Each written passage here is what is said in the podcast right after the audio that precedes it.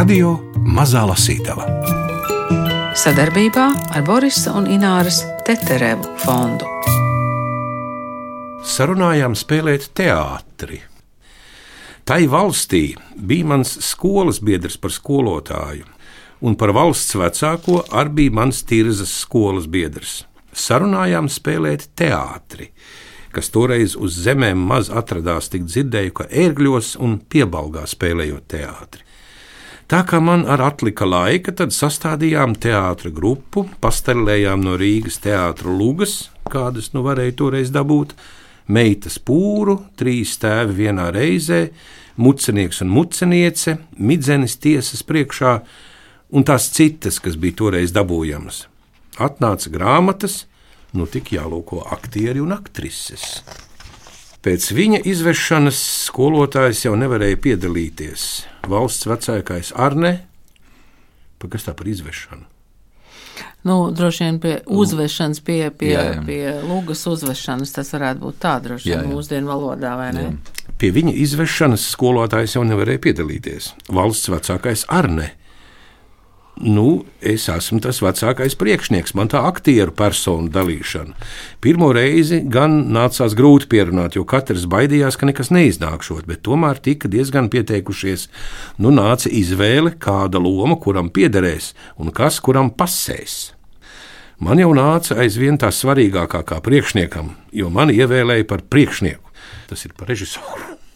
Jā, tas ir režisors Tirzā. Teātra priekšnieks ir režisors. Runa ir par Galgauskas valsti. Galgauskas? Ah, jā, tas ir Galgauskas valsts. Tas, tas ir Galgauskas valsts teātris. Blakus, blakus mūža. Galgauskas jaunais teātris. Nē, Galgauskas valsts teātris. No. Jā, jā, jā.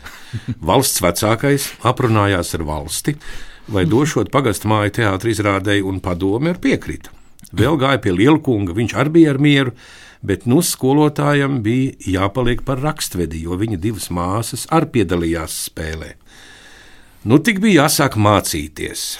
Pa kādu nedēļu sējam pagastu skolā pie skolotāja uz provu spēli. Mēģinājums, provu spēle. Jā, to arī varētu ieviest teātrī, provu spēli. Es te ļoti daudz ko varēšu ieviest. Ļaut atzimt šiem senajiem vārdiem. Jālūko, kā katram ies. Pirmā lūga bija Trīs tēvi vienā reizē un midzenes tiesas priekšā. Saprotams, ka pirmo reizi katrs darbs ir grūts. Tā mums arī bija neiesākts un nekur neredzēts. Tā gāja kā pa celmiem, bet vairākas reizes sagājām kopā un aizvien labāk sāk iet. Nu, ja iet labi, nu tik jāizsūta sludinājumi, ka tai dienā tiks teātris izrāde, tai skolā pulkstenis piecos pēc pusdienas. Sesdienas vakarā sējam visi uz provi, nu iet viss labi. Svētdienas sējam visu vēlreiz izprovēt, var pietikt, sarīkojam skatuvi, ka var spēlēt, un nu sāk ļaudis kopā nākt arī no ārvalstīm. Tas ir no tīras tagad jau. Jā. Arī no tīras apskatīt pirmo teātri tai malēniešu pusē, kur vēl nebija bijis. Publika, lai gan neliela, tomēr varēja apmierināties, jo biļetes jau bija lētas. No 15 līdz 20 kapekām. Tā pienāca pilna izrādes istaba, pilna klase. Nu, tiek atklāta izrāde, tā noritēja teicami, no publikas puses ar lielu atzinību un prieku. Tas mūsu pūles un izdevumus atmaksāja kas bija izdots par grāmatām un tēriņiem, atlika kādi rubļi priekš nākošās reizes, ar ko iepirkt riktīgas garderobes un atkal jaunas lūgas. Varbūt jums jāpadomā, ka jūs varat uz skatuves izvest kādas proves. Trīs vīri vienā reizē? Jā, tēvi. Trīs tēvi, dabūt tās grāmatas, vai ne, izvest proves. Jā, provu spēli noturēt. Jā, jā, un tad redzēt, kas notiek. Jā. Gunteram Aboliņam ļoti iepatīkas Pētera Kalniņa atmiņas, īpaši par šo teātris spēlēšanu, un īpaši ar šiem vecvārdiem un izteicieniem. Kā jau sapratāt, tad valstis ir pagasti, proves spēle ir mēģinājums, bet grāmata ir lūga. Pētera Kalniņa manas dzīves atmiņas no 1843. dzīvības gada Mums atnes šīs grāmatas sastādītājs un kultūra vēsturisko komentāru autors Nils Trejs, kuram savukārt šīs vectēva rakstītās atmiņas nodevusi Ilze Žala. Protams, mēs varam tikai apbrīnot, kā savu bērnību un jaunību atminējies Pēters Kalniņš, kurš savas atmiņas pierakstījis 88 gadu vecumā. Iepazīstamies ar Pētera Kalniņa atmiņām, kuras tagad izdevusi Tirzas pagasta attīstības biedrība un iepazīstamies ar Nilu Treju. Lielāko dzīves daļu es esmu uzņēmējis, bet uh, dzīvoju lielu daļu dzīves uh, tirzā. Un uh, man interesē viss, kas notiek tirzā, kas agrāk noticis tirzā, tirzas vēsture un, un uh, savas saknes, un arī citu tirzmaliešu saknes. Tirza, mm, nu, spriežot pēc tā, ko jūs jau mums paspējāt pastāstīt, pirms tam ir tāda īpaša um, literāta un mākslinieka dzimšanas vieta. Jā, nu, tie pazīstamākie ir Andrijs Niedra, Jānis Misiņš, Ludovs Liberts, Maris Svētra, dzēniece rakstniece Tirzmaliete, dzēniece Elza Ķezbere un citi.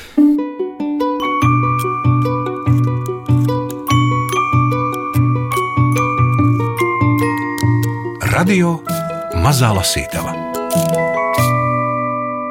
Pēters Kalniņš - manas dzīves atmiņas no 1843. dzīvības gada, izdevusi Tirzas pagasta attīstības biedrība, sastādītājs un kultūra vēsturisko komentāru autors Nils Trejs. Tas ir atmiņas, tās ir atmiņas, kuras ir uzrakstījis Pēters Kalniņš, bet kuras man laipni iedeva viņa mazmeita Ilze Žola, kura jau, diemžēl, ir viņa saulē, nedaudz nesagaidīja daļu Covid šo dienu, kad tā grāmata iznāca. Viņa man piezvanīja un teica, ka viņa ir no Tirzas. Viņas vecāks ir eh, dzimis 1840. gadā. Un tas man uzreiz ieinteresēja, jo mans vecvectēvs vec, arī ir dzimis šajā pašā gadā. Tā sākās eh, draudzība ar Ilzi Žolu, kas diezgan ievērojama eh, bioloģija un nodarbojās ar dažādām zinātnes lietām šajā jomā. Un tā sākām, sākām strādāt pie šīs grāmatas. Un... Bet eh, kas ir Pēters Kalniņš? Pēters Kalniņš ir vienkārši latviešu lauku cilvēks, kurš dzimis tālē 1840. gadā, kad vidzemē bija bats, kad tirzas apkārtnē nomira vairāk kā 500 cilvēku vienā gadā no dažādām infekcijām, no bada dzimis ārkārtīgi nu, vienkāršos apstākļos, tagad teiktu, varbūt pat briesmīgos apstākļos, jo, jo visa dzīve tajā laikā lielākā daļa zemnieku notika Rijā.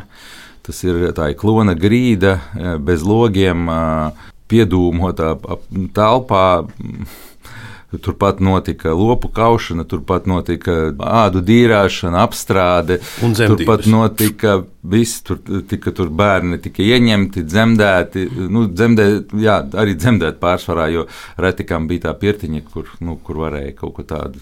Viņš nodzīvoja 95 gadus, atmiņas uzrakstīja, kad viņam bija 88. Un šie 88 gadi ir šajā grāmatā.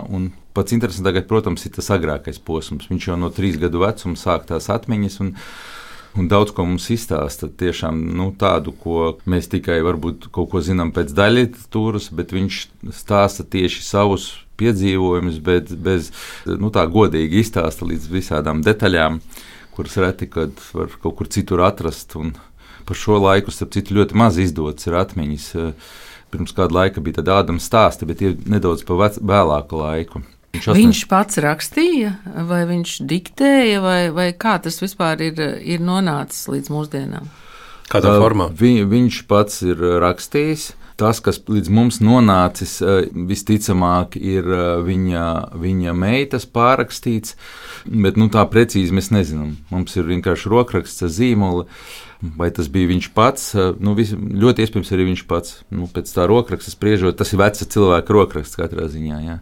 Nu, tur ir pārāk daudz jau pagājis laika un paudžu, un neviens tā precīzi nevarēja pateikt. Jā. Viņš šajā grāmatā apraksta savu pirmo slimošanu 65 gadu vecumā. Viņš pirmo reizi slimoja.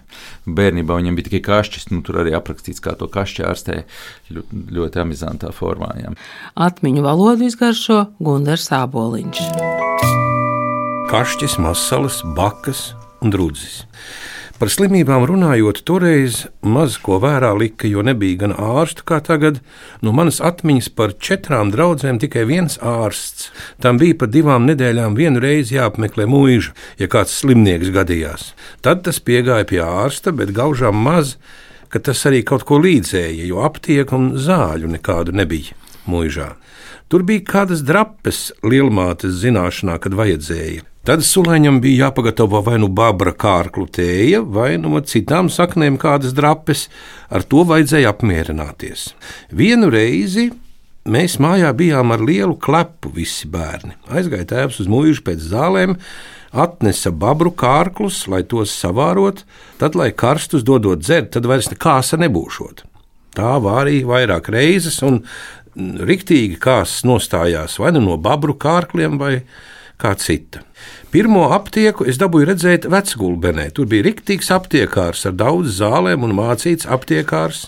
Par slimībām runājot, toreiz maz ko zināja. Bija tik drudzis, masalas, bakas un kašķis. Citu vārdu es nedzirdēju vai neatminos, jo man no svara tas nebija kā citiem mūsu mājas iedzīvotājiem, brālim un māsām. Brālim bija par daudz lielas drudzis. Kad viņu sāka kratīt un raustīt, tad viņš kliedza ka žēl bija klausīties. Tā viņa mocīja ilgāku laiku, bet man uznāca baznīcā lielā piekdienā. No skolas aizgājām uz baznīcu, toreiz katrā gavēņa piekdienā turēja dievkalpojumu baznīcā. Tā pašā dievvvārdu laikā man uznāca drabuļi un viegli pārgāja. Tā tas turpinājās vairākas dienas no vietas, bet es uz to nevēroju, turpināju savu skolas gaitu. Tāpat ar masalām gāju ganos. Citiem bija grūti, gulēju gultā, bet es gāju ganos. Citas vainas nebija, tik ēdiens bija rūkts, ka to nevarēja ēst. Vienu reizi brālis bija ar maisu apņemts visām miesām, man tik drusku uz rokām. Vienā sestdienas vakarā izkurināja pirti. Kad sievieši iznāca, tad gājām mēs, puisieši. Tēvs ienesa darbas spaini ar pinzeli. Kad noģērbāmies, tad ņēma brāli priekšā lika ar pinzeli smērēt visu miesu ar to darbu no galvas līdz kājām. Kad nosmērēja, uzmauc maisu pār galvu un piestiprināja, lai nešļūk nost. Tā viņam vajadzēja pirtī vairāk dienas nodzīvot, kamēr apkalta un sāka kā čaumala iet nost. Man tik uz rokām, kur bija kādā vietā uzmeties, tur uzsmērēja ar darbu. Tās bija toreiz labas zāles priekš kašķa. Man jau nekas nebija, bet brālim tam bija ko ciest iekšmais, kamēr viss nokalta un palika tīra miesa. Tā darba bija labs zāles. Tātad tā ārstēja kašķi. Nu, mēs tur varam palasīt arī par skolām un par pirmo braucienu ar vilcienu. Pirmā ziema tīrzas draudzes skolā. Tā pārgāja ziema, nāca rudens, Vienā dienā iegāja Perminders mūsu mājā, saka tēvam, lai mani sūta draudzes skolā, jo no visa pagasta četru vajag priekš draudzes skolas, jo es jau gluži labi protot grāmatu lasīt. Tēvs gan gribēja atrunāt ar grūtiem laikiem, nevarēšot izvadāt, tomēr pieļāvās. Tā bija jātaisās uz draudzes skolu. 1853. gada rudenī bija jāiestājas draudzes skolā vergu un bada laikā, un man bija izraudzījis par draudzes skolnieku Perminders Misiņš uz mācītāju pavēli.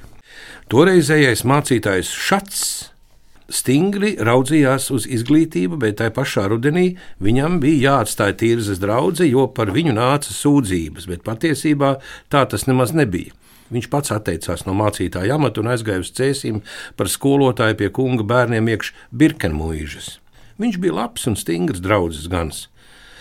Tā māte mani aizveda uz draugu skolu, kur mēs no četrām valstīm bijām izraudzīti 12 skolnieki. No Tirzas pagasta 5, no Druvienas 2, no Adlienas pagasta 3, no Galgauskas 2. Tātad mēs, kā pestītājam, no draudzes bijām 12 mācekļi. Vajadzēja jaunu svārku, bikšu, pastalu un visa jauna. Pienāca tā diena, kad nu jāiet prom. Māte sataisīja ceļa kūli, iebāza salmus maisā, deķi, ko sekties. Tēvs iejūdza zirgu, tā aizbrauca uz skolu. Iegāja skolā, novietoja māte visas manas pekeles, brauca mājās, mani atstāja raudot. Kad sanāca visi skolnieki, Tad nāca skolotājs. Izsauca visus pēc listes. Es biju ceturtais tajā listē, un par visu draugu vajadzēja būt 12. Tad sāk skolotājs pēc kārtas saukt priekšā pie grāmatas, cik katrs māk lasīt un rakstīt. Ar lasīšanu dažam gāja kā pa celmiem, bet ar rakstīšanu tik viens vai divi, kas prata kādus vārdus uzrakstīt. Vienam bija tēvs par skolotāju, tas gan jau kādus teikumus varēja uzrakstīt, bet mēs citi nevarējām. Tad sadeva tāpeles un šāda grāmatu, ko katram lasīt, un tā tajā dienā vairs nekas nebija. Tik ienāca vakarlūkšana noturēt, tā aizgāja pirmā diena. Nu bija jātaisa katram sava guļu vieta, jātaisa zemē, priekšstabā, kur iet klasē iekšā. Likām katrs savu maisu zemē, visus rindā no vienas sienas līdz otrai, un paši cits citam līdzās. Tā bija jānoguļ viss skolas laiks zemē uz klona. Var iedomāties, kā tur bija kārtība un tīrība pret šiem laikiem. Rītos vajadzēja atkal saņemt savu guļu vietu, sasiet nastā un ienest blakus kambarī, kur stāvēja zvanītājam kartupeļi un mums skolniekiem maize. Rītos, kad piecēlāmies, bija klasi jāizslauka, jāpamācās vienu stundu, tad brokasti noturēt, katrs meklējām savu maizes kulīti, pēc brokasta visi klasē iekšā, katrs savā norādītajā vietā. Nu nāca skolotājs, noturēja rīta lūkšanu, tad sauc pie sevis pa vienam pie grāmatas lasīšanas. Tā bija visiem jāiet, pēc tam nāca rakstīšana. Katram ar savu tāpeli bija jāiet pie skolotāja, tas uzvilka uz katras tāpeles tādas strīpiņas. Tās nu vajadzēja tādas uzvilkt. Kam nu tā roka bija jau uz to ievingrināta, tam jau gāja labi, bet dažam nekur negāja. Tā divi stundas bija prom, Tad sākās rēķināšana. Bija jāsaskaita no 1 līdz 50. Bija arī tādi, kas to nevarēja saskaitīt. Pēc tam bija dziedāšana. Kādu garīgu dziesmu no dziesmu grāmatas mācīja dziedāt. Tās bija priekšpusdienas stundas. Pēc pusdienas atkal nāca Bībeles stunda, rēķināšana, dziedāšana un lasīšana. Tā tas vilkās gandrīz visu ziemu. Vecais mācītājs Šats liels skolu cienītājs, atstājās no mācītāja amata, jo draudzē bija ar viņu nesaskaņas. Toreiz vairāk vērības piegrieza ticības mācībām, vajadzēja no galvas atskaitīt rītā visu, ko vakarā uzdeva no Bībeles peršām un lūkšanām. Toreiz grāmatas bija šāds kaķisms, un no Bībeles izņemti un sastādīti daži gabali un dziesmu grāmata un sprediķu grāmata. Jā. Draudzes konventā bija nospriests, ka draudzes skolniekiem jāmācās arī vācu valoda atnāca nēķina vārnīca ar vācu un latviešu vārdiem. Tas nav jūras nēkens domāts. Jā. Ir, jā. Tur apakšā viss ir paskaidrots. Ah, ir, jā, jā. E, atnāca nēķina vārnīca ar vācu un latviešu vārdiem. Nu bija ko ņemties. Jāraksta latviešu, jāraksta vāciski. Tā pirmā zima aizgāja ar maz panākumiem.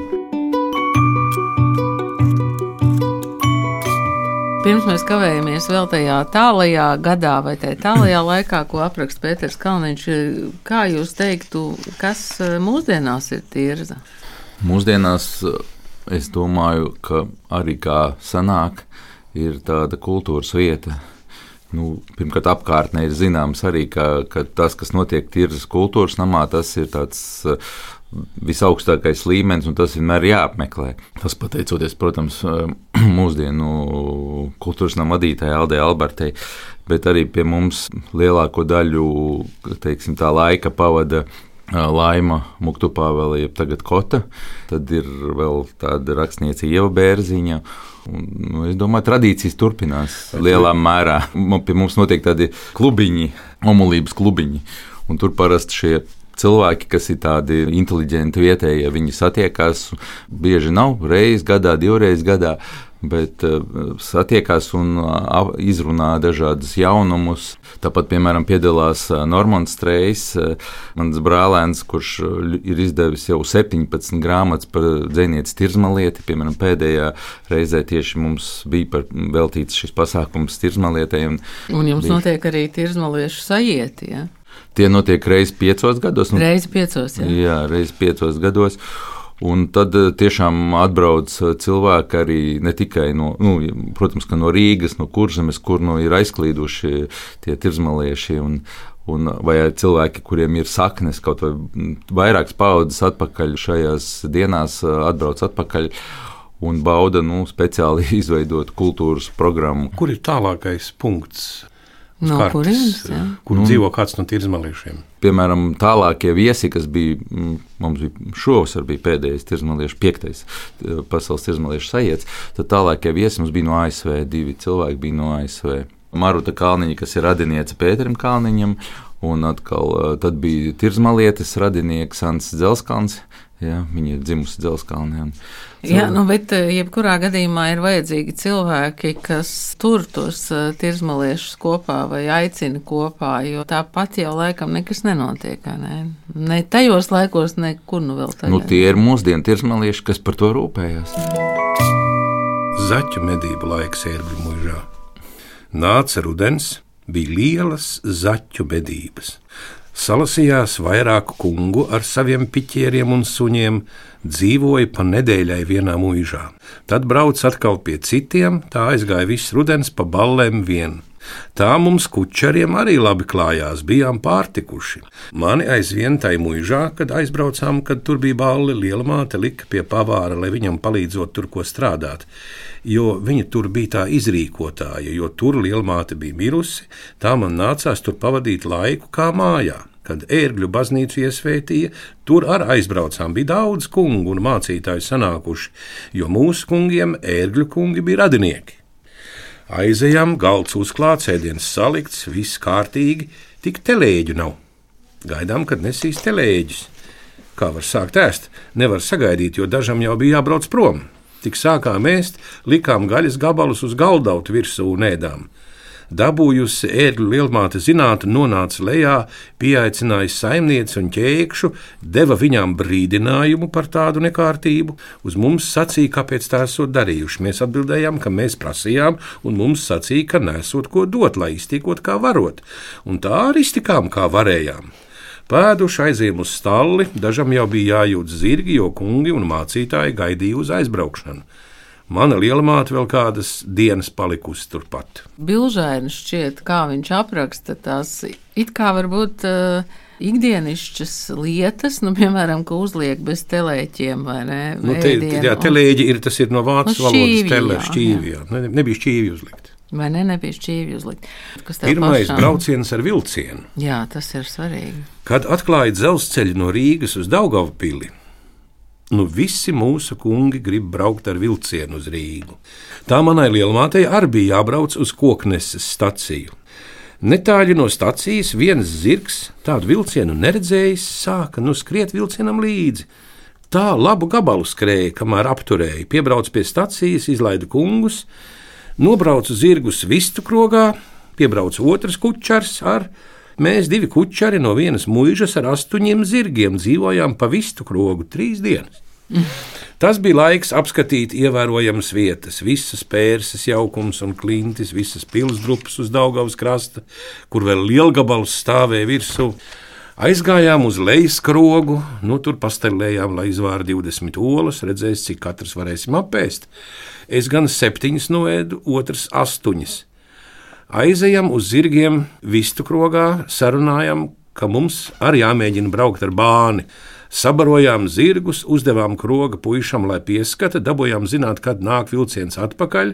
Sacīja, ka Krisburgā pārmijoties. Tā mēs ar Rīgas vilcienu aizbraucām līdz pļaviņām, tur pagaidījām, kamēr nāca tas no Daugopils, tad atpakaļ uz koknesi.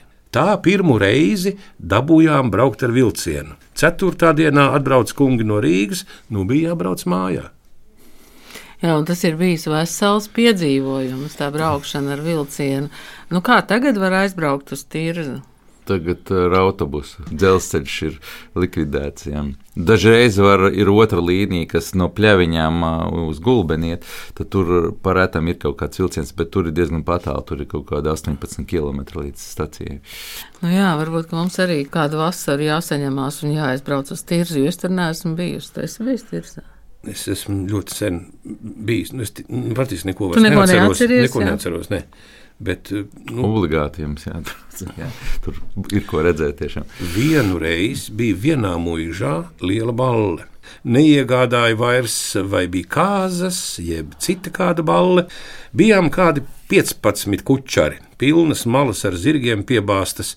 Jādomā, cik daudz gan tur nevajadzēja siena un auzu. Kur tik daudz zirgu un vīru, tie visi grib ēst. Sulaiņi un jumpravas trīs pavāri vienpaķēķi strādāja, un kāds simts kungu bija sanācis. Tur bija ēšana, dzeršana un dancošana. Kučaras tur netik labi uzturēja kā citās mūžās. To es skaidri nezinu, vai nu kučeri bija vainīgi, jeb nebija pie kukana, lai gan uz kučeriem to vainu uzgrieza viens liels kukans no pagraba pazudis. Kas Kāds, ir kukans? Kas ir kukans?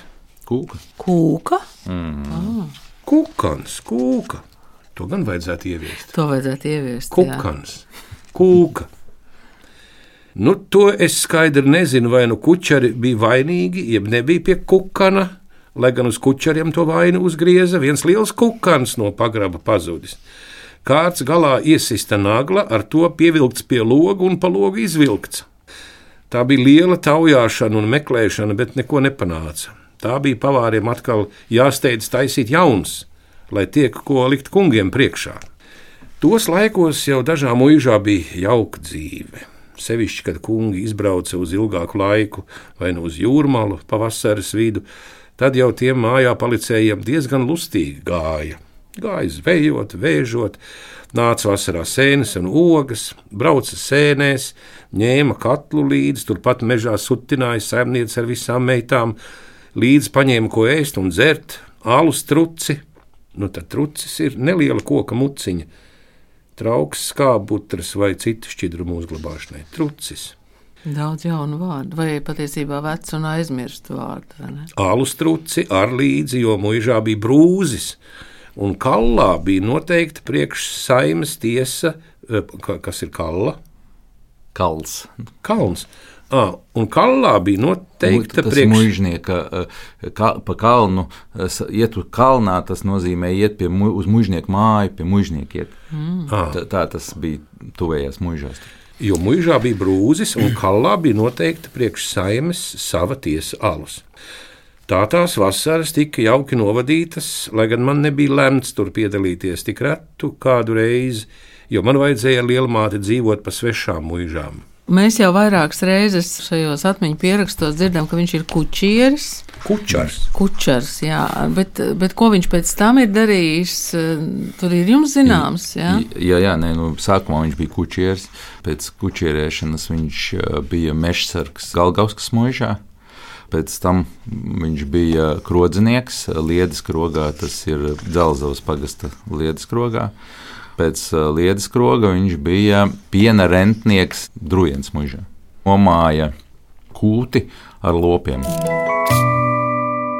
Postscriptum. Kad esam jau priekšā lasījuši Pētera Kalniņa atmiņas un sarunājušies ar kultūra vēsturisko komentāru autoru Nilu Treju, es atveru pašas grāmatas beigas, kur ir epilogs par Pētera Kalniņa dzimtu un te es ieraugu ļoti pazīstamu vārdu - Ieva Ezeriete, Latvijas radio kora soliste. Viņa izrādās ir Pētera Kalniņa mazmazmeita.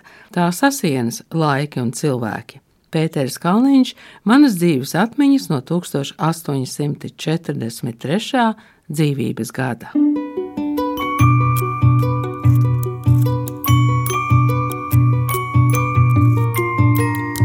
Radio Mazā Lasītava.